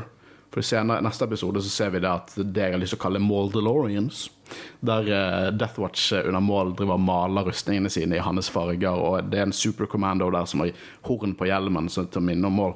Eh, og jeg, og det, det er teorier om at The Armor fra Children of the Watch fra Mandalorian sesong 1 var en Death Watch som fulgte mål, og det er der hornet kommer fra. Hm. og det, jeg vet jo ikke om det er sant, men eh, det Men- er jo kult å tenke på. Men den teorien, Eller ikke teorien, det, hø det høres helt riktig ut, alt du sier. Ja, jeg- jeg Children of the Watch. Det, Ja, for det er Children of the Watch de må komme fra Death Watch. 100%. og dette er Death Watch. De, Night Owls er ikke lenger Death Watch. De er Og det, det, det her Boketan begynner på en måte en mer ærefull vei, for hun har vært en bad guy. Hun, har vel- hun har vært en snivering, happy å be choket bad guy opp til nå. Uh, endgame i denne episoden er jo at Almec eh, blir på en måte fasaden til lederskapen. Han skal regjere, han skal bygge sin egen regjering, og på en måte skal mål være i, i skyggene. da. Og de sier veldig greit da, Satin drepte Pre Weasler, den siste ordre var å gjøre Almec til statsminister, og så har han forgiftet barn ved å bruke svartebørsen før, men han skal gjøre alt for at Mandalore skal bli den krigerkulturen igjen, og vi skal bli sterke, og alle bare er superhappy. Um, nå er jo, nå er jo Mandalore på papiret blitt en krigertradisjon igjen. Men dette er komplisert. For det er Mandalore planeten styrer, pasifiststyret. Men det betyr ikke at alle Mandalorians rundt omkring i Mandalorian Space var pasifister. Uh, for eksempel uh, um, på Concord Dawn, Protectors of Concord Dawn. Vi kommer til å se mer av de Rebels. De var krigere på dette tidspunktet, selv om de liksom var under regjeringen til Satine. Så det, Mandalore er komplisert. uh, og på den måten også veldig grounded, hvordan det fungerer. Det er ikke enten-eller. Det, det, det er mer nyanser til hvordan kulturen fungerer. Eh, så, så, og, så det er sånn at Mandalorian-krigertradisjoner har eksistert under klonekrigene, selv om Duchess Satine styrte på Mandalore. Men respekterte de det? De forskjellige Ja, jeg, jeg vil tro at de, mot, at de på en måte motvillig eh, aksepterte det. For det, vi har Mandalorians som jobbet med klonene eh, på andre steder. Men er det liksom sånn at de, noen av de f.eks. støttet Previsla sin kampanje? Ja, alle under Death Watch gjorde jo det. Ja. Så de som reddet uh, Din Djarin, Jo, jo, men de, så, de, de, forskjellige regionene som ikke var under Death Watch, f.eks. Ja, de, de tror jeg ikke støttet Death Watch. Igjen, i Rebels, uh, liten spoiler for Rebels, så møter Protectors of Concord Dawn en fra Wisla-huset. Og de var Mandalorians, kriger-Mandalorians under klonekrigene. Men de anerkjenner Wisla som et eh, navnet på et hus som var forrædere. Klanen er forrædere. Og de var jo imot eh, Wisla-klanen var jo imot pasifistene. Det vil si at Protectors of Concord Dawn fortsatt var soldater og krigere på alle mulige måter under denne. Men, um, men rett og slett styret til Satin på Mandalore omhandlet mer at måte, systemet skulle være pasifist. Hun stoppet på en måte ikke de ulike koloniene av Mandalorians til å, til, til å gjøre det de skulle gjøre. Nei? For eksempel um, uh, så var det en konflikt i Clone Wars, som er min tegneserie, der uh, Mandalorians åpent støttet klonene og jediene, som ikke var Death Watch, Uh, og de var, de var en egen på en måte, klan som hjalp dem. Så det er en mer komplisert historie bak Mandalore. Noe jeg syns er utrolig fascinerende. Fordi Mandalore, jeg har sagt det før, Mandalore er den mest troverdige sivilisasjonen i hele Star Wars. For det er ikke sånn enten-eller, korrupt ikke. Det er masse forskjellige biter i på en måte det som er kulturen deres, det som er regjeringen deres, at det gjør at det er mye mer troverdig. Og en ting som er viktig, er at dette er ikke siste arken vi kommer til å grave dypt i Mandalore. Det Nei. er så mye å hente. Og det kommer så sykt til å dukke opp i uh, The Mandalorian på et tidspunkt. Vi kommer til å se live action Man Ja, ja, Mandalorian. i- i- Garantert. Og når vi kommer til sesong syv og, og Ja. deler av Rebels, holdt på. Store deler av Rebels. Ja, det, Men vi hopper rett inn til én av de beste episodene i Clone Wars, i min mening. Episode 16 av sesong 5, The Lawless. Uh, dette begynner ganske actionfullt. Redningen av Satine. Corky, husker dere Corky? Nei, det gjør dere ikke. Var med, han var med, eh, Nevøen til Satine som var med i denne episoden, snakket om Olmec og sånn. Han dukket opp, og det som er litt mørkt Ja, om jeg dekker den episoden? Nei. Nei, OK. Ja, fordi det, det, det var så mye av det du har nevnt nå, som bare virker liksom ha, Dette kan ikke jeg huske. Nei. Så Enten så betydde det så lite, eller at ble, jeg han har bare dukket opp der og vært en sånn her goody two shoes og fant ut at Olmec var en bad guy. I Han dukker opp redder, og skal redde tanten sin. Eh, og eh, spoilers til Mandalorian, når Bo-Katan dukker opp, så sier hun at hun er the last of her line. Så det betyr at Corky må være død under Mandalorian. Men jeg, må- jeg må bare spørre. eh, mål eh, Bestemte han at disse her rustningene skulle få en paintjob, siden alle er røde? Det vet vi ikke, men jeg, jeg vil nå tro For det med Jeg bare tenker siden mål er rød. Nå, nå, nå har jeg ikke noe Jeg har ikke noe, noe svar på det, men det, det er gøy å spekulere. Ja, nei, jeg bare, jeg bare syns mål er rød. Mhm. Da vil han aldri hjelmen Ja, men jeg tror, jeg, tror, eh, jeg tror det rett og slett fordi at signets og, og klaner og sånn i uh, Canon Signet, det vet jo vi hva er. Det er liksom ditt hus, din klan.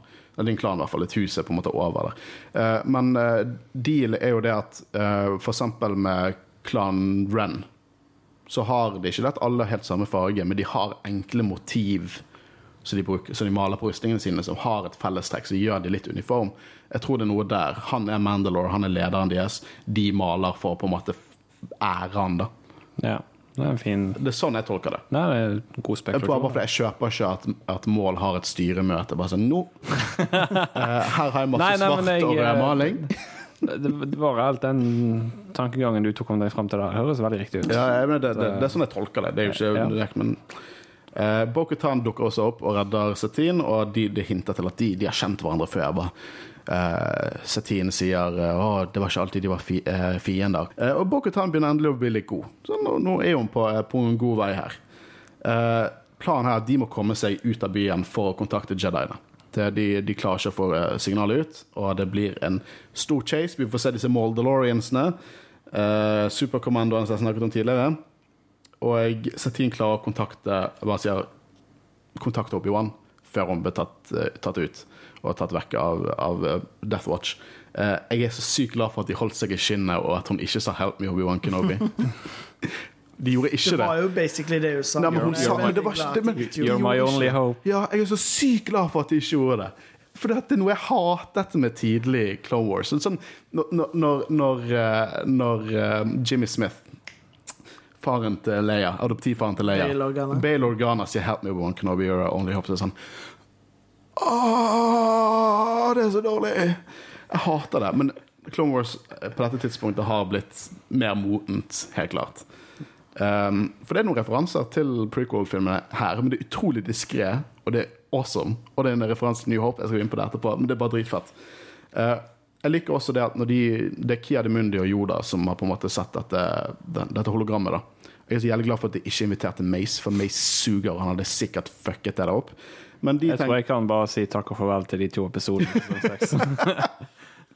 Eh, I hvert fall, de, de forteller dette til, til, til, eh, til Obi-Wan, og Asoka var jo med i denne arken, og der på en måte hadde de kommet frem til at Death Watch ikke lenger uh, jobbet med, med, med separatistene. Hun var jo med i den med A Friend in Need med Lux Pontario, og da kom det fram at de ikke jobber med separatistene lenger.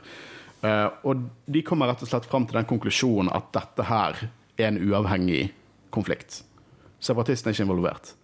Og denne gangen så synes jeg det gir mening at republikken ikke engasjerer seg. Politisk mening. Eh, ja, Ja, altså, så, forrige gang, det, det var jo forrige ark, da var det jo faktisk en invasjon, på en måte. Det var styrker fra separatistene der, så der syns jeg ikke det gir mening. Men her er det jo bare på Mandalore. Det er kun ja, det, det er er en en, borgerkrig i Mandalore. Det har liksom ikke noe stort. Så Det- her gir det mening. ja. det er en intern konflikt, og eh, da gir det ikke mening at republikken skal blande seg. Og, og det er jo ikke opp til Jedien. De sier at senatet velger å gå med på det. Så det og jeg, Men- dette er et genitrekk. For at det bare viser hvor utrolig mye peiling Mål har. Mål får Olmec til å bestyre. Han får han til å liksom keep, Dette som en vanlig tirsdag. Liksom, vi er uavhengige, vi er nøytrale, bla, bla, bla. bla. Ingenting med separatistene å gjøre. Det er ingenting med det. Så han vet at Kenobi kommer til å dra dit alene. Uten, noe, eh, uten noe republikk her i ryggen, uten senatet. Han kommer dit alene for å redde Satine. Og Mål vet det! Jeg får frysninger av å snakke om hvor jævlig bra Sith Lord han er. Liksom, Han er jo Palpatine junior. Her er vi jo på noe viktig i forhold til forrige ark, der Asoka skulle lære seg å skille følelser og eh, duty, på å si, er plikt. Um, Obi-Wan var jo en av de som fortalte henne om det at hun må prøve å skille. Så han har jo kommet til det masterstadiet der han burde virkelig vite at du skal ikke basere dine handlinger på følelser, som Jedi Orderen prøver å få. Jeg vil faktisk si at når vi snak snakker prequel-trilogien, Attack of the Clones Obi-Wan og Revenge of the Sith Obi-Wan Det er to ganske forskjellige karakterer. Men eh, Eh, Men bare, bare eh, før, jeg mister det For Attack of the Clones Han er, han er umoden. Han er C-studenten som lærer A-studenten. Han, han er ikke en god Jedi der. Men så har vi han i Revenge, der han virker mye mer sammenslått. Han er mye mer en mester. Jeg tror denne episoden er Ja, men det, er det siste dråpen. Det er her han vokser opp for det han, det han går gjennom. ja, men det er akkurat det jeg vil inn på, for det at eh, Han mistet jo Quaigon, som var læremesteren sin, og det var sikkert ganske tøft for han. Uh, det som skjer nå i denne episoden, er sikkert noe som setter han på en uh, vei der han ikke prøver å skape følelser for andre. Ja, det, det kan også hende. Jeg, jeg bare tror at han blir han, Han blir en annen person. han Ja, det, det har gått gjennom han, og vi har jo sett episoden opp til nå at han har strevet med dette Quaigon-greiene og, og med, med mål. Han har vært fa Vi snakket jo forrige episode Men jeg føler òg dette her beviser det at Jedi-ordenen går frem på helt feil måte når de lærer opp folk. Men jeg føler også dette viser jo hvor sterk Obi-Wan egentlig er. Fordi det, er, det var vel i første episode med dekka i dag, så sa han jo liksom Jeg husker ikke nøyaktig sitatet, men han sa at eh, det er kun de sterkeste som klarer å holde seg unna eh, the dark side. Det er jo Mm. Bare de svake svake det- det, de det. Ja, så det viser jo òg at eh, Altså, det, når Fordi uh, Satin er vel uh, sterkt hinta til at det er Ja. hans uh, wow wow. Mhm. With feelings. mm. Så jeg vil tro at dette her hadde jo vært en på en måte kunne vært en katalyst for at, han, at Obi-Wan ble enda mørkere. Ja, det var- men det var- han var på en crossroads. Han liksom Ja, det, han var på en crossroads her. Går du dark side eller går du light? Han valgte light. Ja, og det er det sterkeste. Jeg elsker det quotet han sier, at 'those who oppose it are more powerful'. Det jeg digger det. Digger det. Det, Men, det, det. det er så awesome. Og det er så, vet du hva? Nei, dere har fått ut flere tanker om Obi-Wan her, for jeg er så fokusert på mål og nydelige mål. Men Obi-Wan, det der du sier, han, han kom til et veiskille her. Går du light side eller går du dark? Han valgte light. Og det definerer Kenobi i resten av sagaen. Mm. Garantert. Eh, nå hopper vi fram og tilbake her, da. Men eh, eh, nå drar jo Kenobi der. Helt etter design til, designet til mål. Nydelige greier. Og jeg på Sundari så forteller jo Mål alt dette til Almek, alt som har skjedd, og eh, det her Mål forteller liksom at eh, ja, nå, nå, kommer, nå kommer Kenobi, nå får vi jo nå blir det bra. Og Kenobi han dukker opp i uh, Rako Hardin-klærne, husker de, de fra når han var undercover face-off-episodene. Og i skipet til Anakin, The Twilight, med en uh, tegnet uh, podracer på siden. Og på Huttees står det Wizard. Det er en god referanse, det. Uh, en annen referanse her er jo det når uh, Diskré, veldig god referanse er jo det der eh, når han lander der sine Mandalorians og snakker til han. Og så sånn Har du papir, riktige papirene? Ja, jeg bare kom opp og, og skal hente de, og så hører du sånn Og så kommer Obi-Wan ned med Mandalorian armor. Obi-Wan i Mandalorian armor. Hvem skulle trodd det skulle skje? Jeg føler det er så typisk Star Wars nå, liksom at du, du ser det ikke engang. Du bare sånn Og så er det liksom Ja, nå har vi bytta klær. Ja, det, det er klon, no, vi, det, det er nesten litt rørende, for at Clone Wars Det tok litt tid, men de har landet på beina i sesong fem. Sesong fem Ja, altså, alt ble jo bedre med tid. Ja. Eh, vår sesong fem eh, Det er fortsatt noen utrolig dårlige arcs vi hoppet over. det må jeg bare understreke. Um, og jeg, eh, han kommer inn Bokutan ser jo selvfølgelig alt dette, her, for hun er awesome og har kontroll på alt. Eh, men Obi-Wan redder Satine. Og vet du hva? Det eneste jeg har å si på det, til tross for at jeg mener hun er en dårlig leder, jeg kjøper de to. Eh, jeg, jeg kjente det. De var, det. Det var utrolig hvordan dette animasjonsshowet, som på en måte for et par sesonger siden var litt sånn «Eh, OK, det skjedde. Men nå er det bare Og de elsker hverandre, og jeg kjøper det. Og liksom eh, Animasjonen hjelper utrolig mye på det. At du ser at hun bare blir At det bare nå blir løftet fra henne eh, når hun ser Obi-Wan. Eh, og han er selvfølgelig litt sånn der Han er typisk Obi-Wan. Kommer med en quick eh, kommentar og tar henne ut derifra. Eh, det blir jo en stor chase. Uh, Bokutan kommer eh, Nei, det er ikke noen kommer. Eh, I hvert fall det blir en stor chase. De kommer seg dessverre ikke vekk derifra. Eh, de blir skutt ned. Og den ene scenen vi snakker om her, er når Obi-Wan skjønner at Mål står bak dette. Når han bare sier 'oh no'. Og bare den frykten av at denne jævel, et liksom spøkelse fra min fortid, står bak hele denne jævelskapen, en utrolig kul scene. For det er sånn, Han ser i røyken at det kommer mål, eh, målfargede Mandalorians, og så bare sånn, ser han nærmere, og så ser han målet, så var ikke der. Men jeg føler de målfargede Mandaloriansene måtte være et lite hint. da. Det er bare sånn, hvorfor, Hva skjer med, far, med fargene deres? Men tror du han har veldig god peiling på ulike farger på eh, Han er sikkert fargeblind. Nei, nei, jeg bare tenker liksom Ja, ja, ja røde, Men det var, det, røde Mandalorians, kult. Det, var det, var det som jeg snakket om i sted, at uh, detaljene er veldig kule. Mm. Uh, jeg syns jeg. Det, er- det er veldig kult. Palpatine kjenner noe, selvfølgelig. Palpatine kan Palpatine. Og jeg, eh, det skal jeg rette og si, det er ikke Palpatine som kjenner noe, det er Darth Sidious som kjenner, kjenner noe. Uh, siste gang spilte jeg i en Abercrombie, som, eh, som sagt. Og han drar mot Mandalore og kicker ass mens han gjør det. Jeg digger litt den her når han bare ser ut av vinduet og bare sier 'prepare my ship'. Ja, til Masamida når han kommer inn. det- Vet han eh, Hva har du kalt han? Mas? Masamida.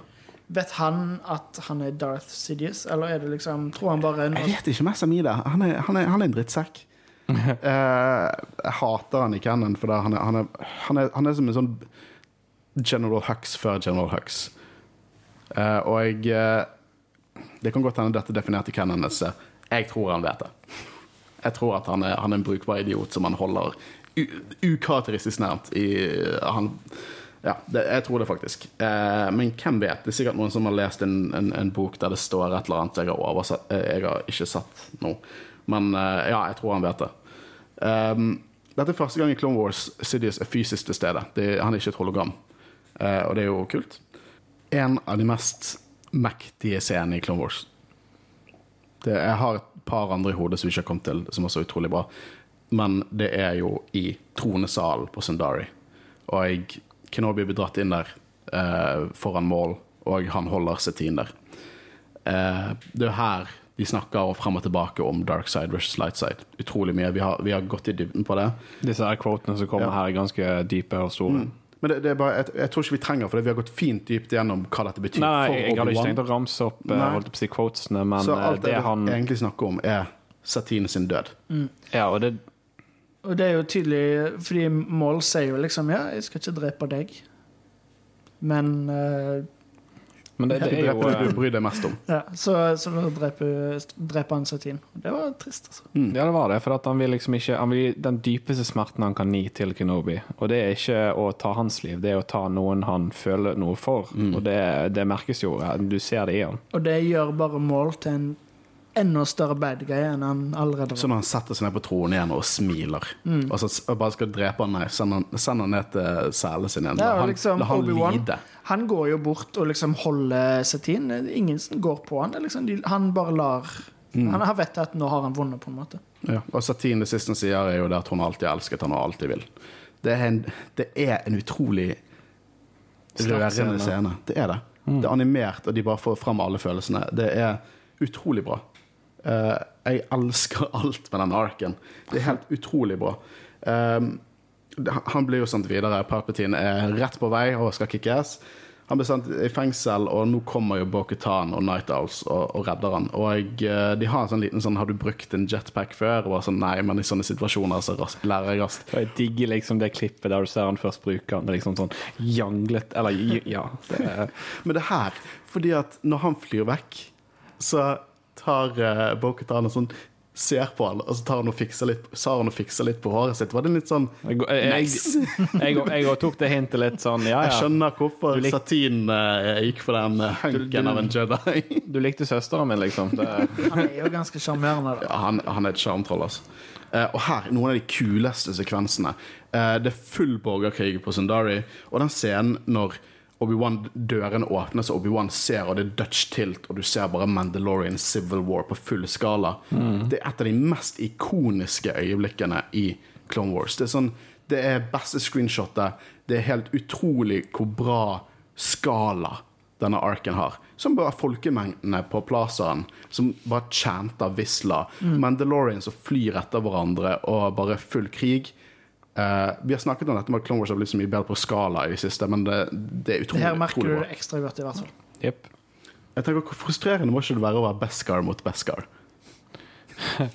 Ingen som vinner, da. Det Men Hvem det, som uh, no, de skyter jo ned folk, og selvfølgelig fordi Beskar ble mer den ekte forklaringen på det at Beskar ble mer definert i senere canon, men det er fortsatt Beskar de har.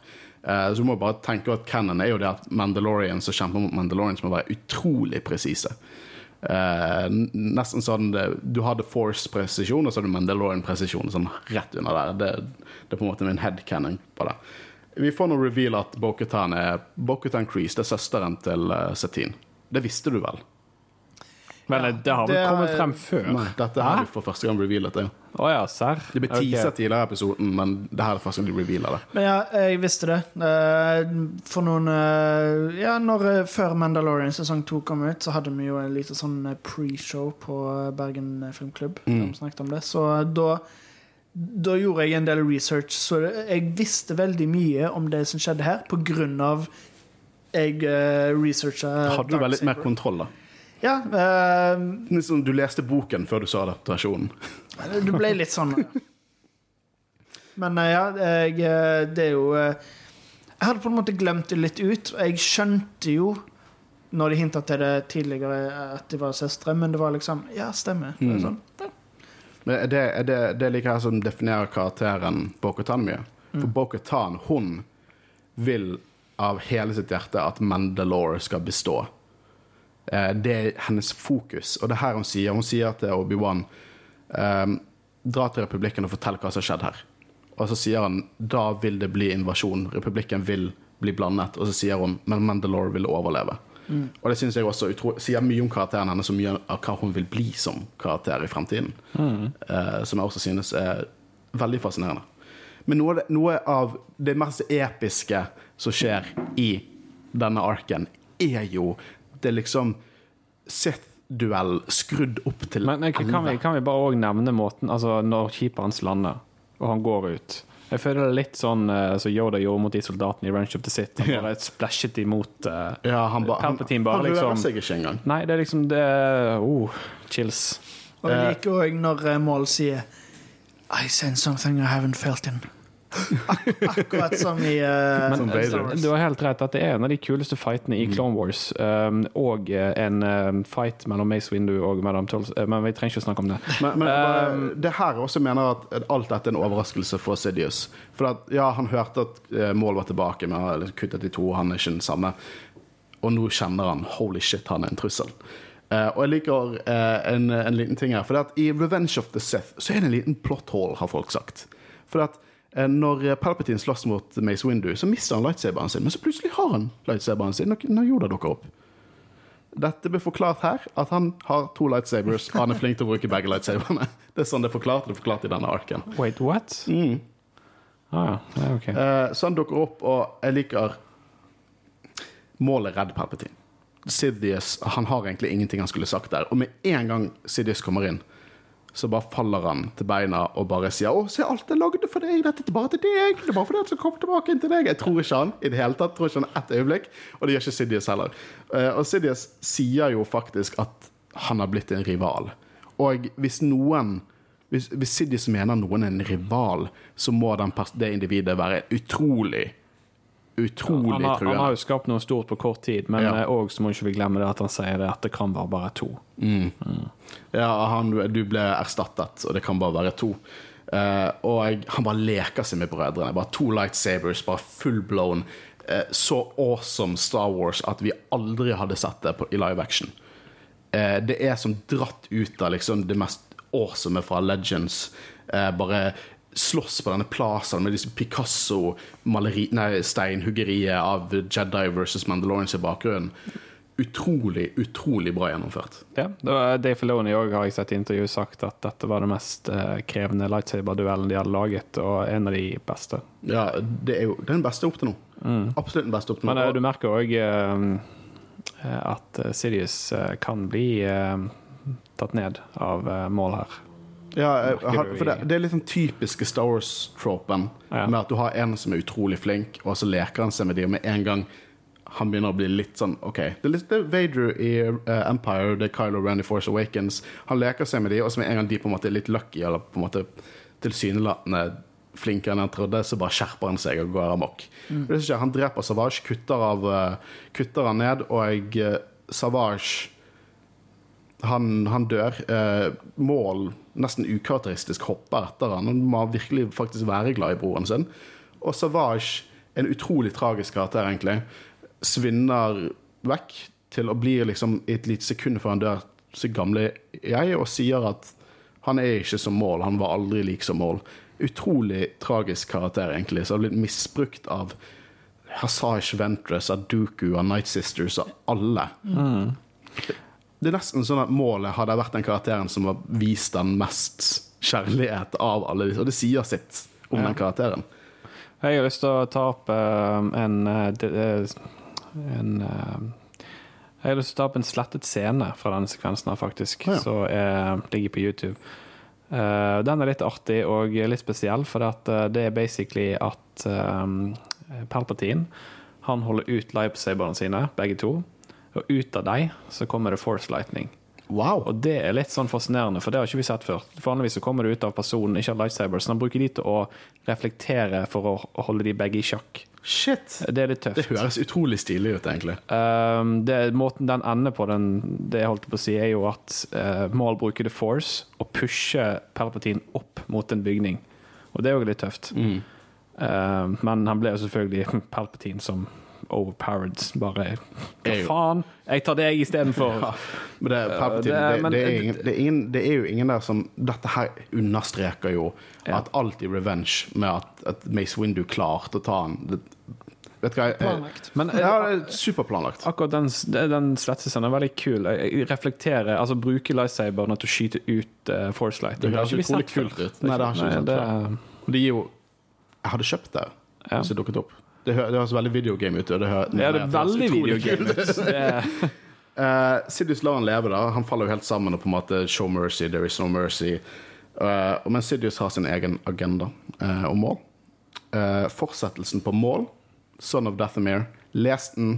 Den er essensiell for å skjønne hva som skjer videre. Ikke bare med mål, men også Mandalorians før sesong syv.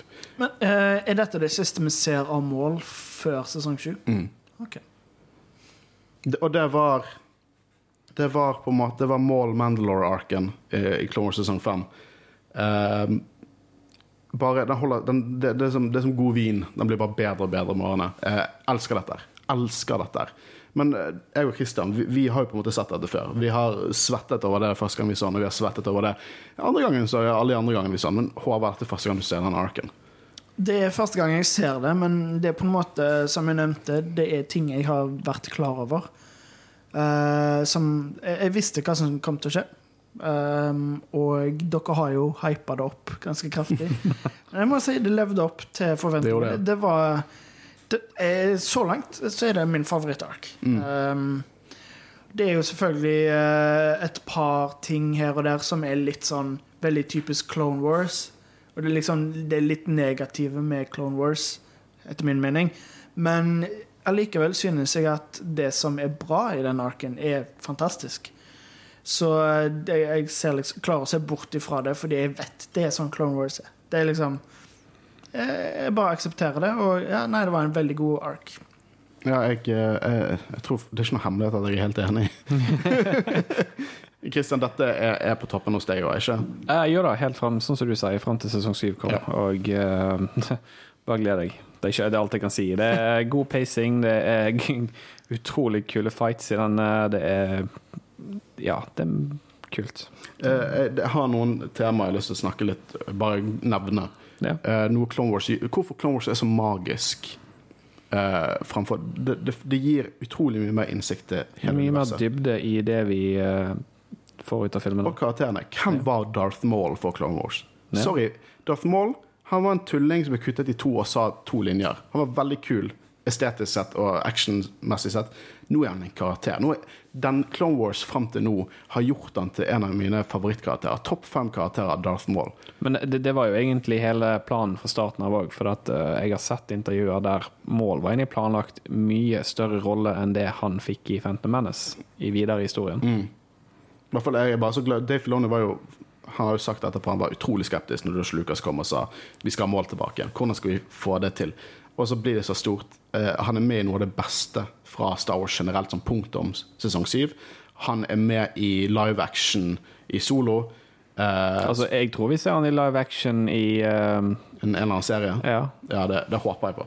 Men òg, som du sa det, hvis, eh, Når jeg på en måte Jeg visste jo at Mål var i live, men jeg hadde på en måte ikke sett så mye om det. Så jeg var jo på en måte litt skeptisk, jeg òg, fordi så, han var jo død. Mm.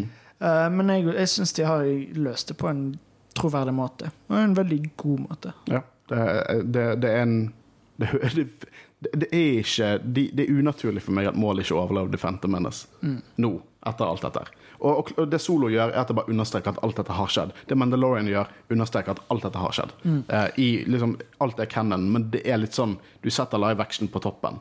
Det er alltid litt sånn. Ja. Uh, men- men ja. samtidig, jeg føler at Jeg er ganske glad for at Clone Wars eksisterer, fordi det er så mye fantastisk som har skjedd, som aldri kunne skjedd i live action. Mm. Så er sant. både fordi det ville vært vanskelig å gjennomføre, og fordi hvis det hadde skjedd, så kan det hende at folk hadde Altså Hvis dette hadde vært i en film, hvis dette hadde vært uh, for eksempel Revenge of the Sith, så uh, Det hadde sikkert vært dritkult, men det, det er godt mulig at folk ikke hadde likt det like bra. Mm. Men det at det er i en animasjonsserie i Clone Wars, gjør det litt, litt lettere å svelge, kanskje. Ja, og jeg, jeg må bare igjen si at Mandalorian faktisk understreker at konsekvenser for det som skjer her, ser vi eh, i Mandalorian. Bare gjør alt så utrolig mer connected. Og det er det Disney lovde oss når de tok over, og det vi ser i alt dette. Ah, ha, ha, ha, det er så bra. Men mål, gutter. Ja. Uh, ja, jeg jeg synes han er utrolig fascinerende karakter. Alt han får til her. Han, han er helt klart en, en, en av de største spillerne i dette. Han er som en Game of Thrones-karakter, nærmest. Liksom En blanding av Littlefinger og, og Sandor Clegane. Han er på en måte Han er, han er mektig fysisk og i kamp, og han på en måte er en av de mer intelligente karakterene. Han, han er så han er så vellykket i det han gjør at han nesten er metakarakter. Han skjønner seg på folket i Star Wars-universet, på intrigene, på, på politikken. At han klarer å bare manipulere alt og fungere sånn som han gjør. For denne arken Ofte, sånn som i forrige ark, det skal, vi, vi fikk ikke noe sånn politisk dybde på en måte med Onderon. Og så tenker vi sånn, ja, men du hadde ikke fått det uansett. Dette er en av de få gangene det liksom, jeg føler ikke det er kompromiss. Jeg føler at dette her er en voksen fortelling fra Clone Wars, og Altså, jeg er føler nydelig. jo at Hvis han ikke har hatt denne personlige vendettaen sin mot um, Kenobi, så hadde han sikkert kunnet bygge noe enormt. Sitt Mm, sitt det, er det, eget, hold, sitt, det er det som bygger han opp og holder han nede. sitt eget empire. Mm. Jeg bare Jeg gleder meg så utrolig mye til å snakke om sesong syv. Eh, Jeg kjenner det. Jeg bare hater at vi må gjennom Mar de eh, Martez-søstrene-arken. Og Mace og Georgia Arken. Kanskje. Ja. Uansett, vi har snakket om eh, om målepisoden fra sesong 5. bare la meg skåle opp på dokumentene. Det var episode 1 Revival, episode 14 Eminence, episode 15 Shades of Reason, episode 16 The Lawless. Og jeg tror vi er ganske enige. Vi digget det. Det er konge. Mm. Husk oss på sosiale medier. Uh, husk konkurranse neste uke. Vi kommer til å poste detaljene på sosiale medier, Instagram og Facebook i løpet av, uh, av eh, denne uken. Og Twitter. Og Twitter. Eh, og eh, så hører du oss igjen neste uke, da vi skal feire vår holdt på å si 50-årsdag. Nummer 50, 50 episoder fra Jedi-rådet. Mitt navn er Håkon Øren, og jeg sitter sammen med Og Kristian Øyen Aspen. og vi har vært Jedi-rådet. Ha det bra. Ha det bra.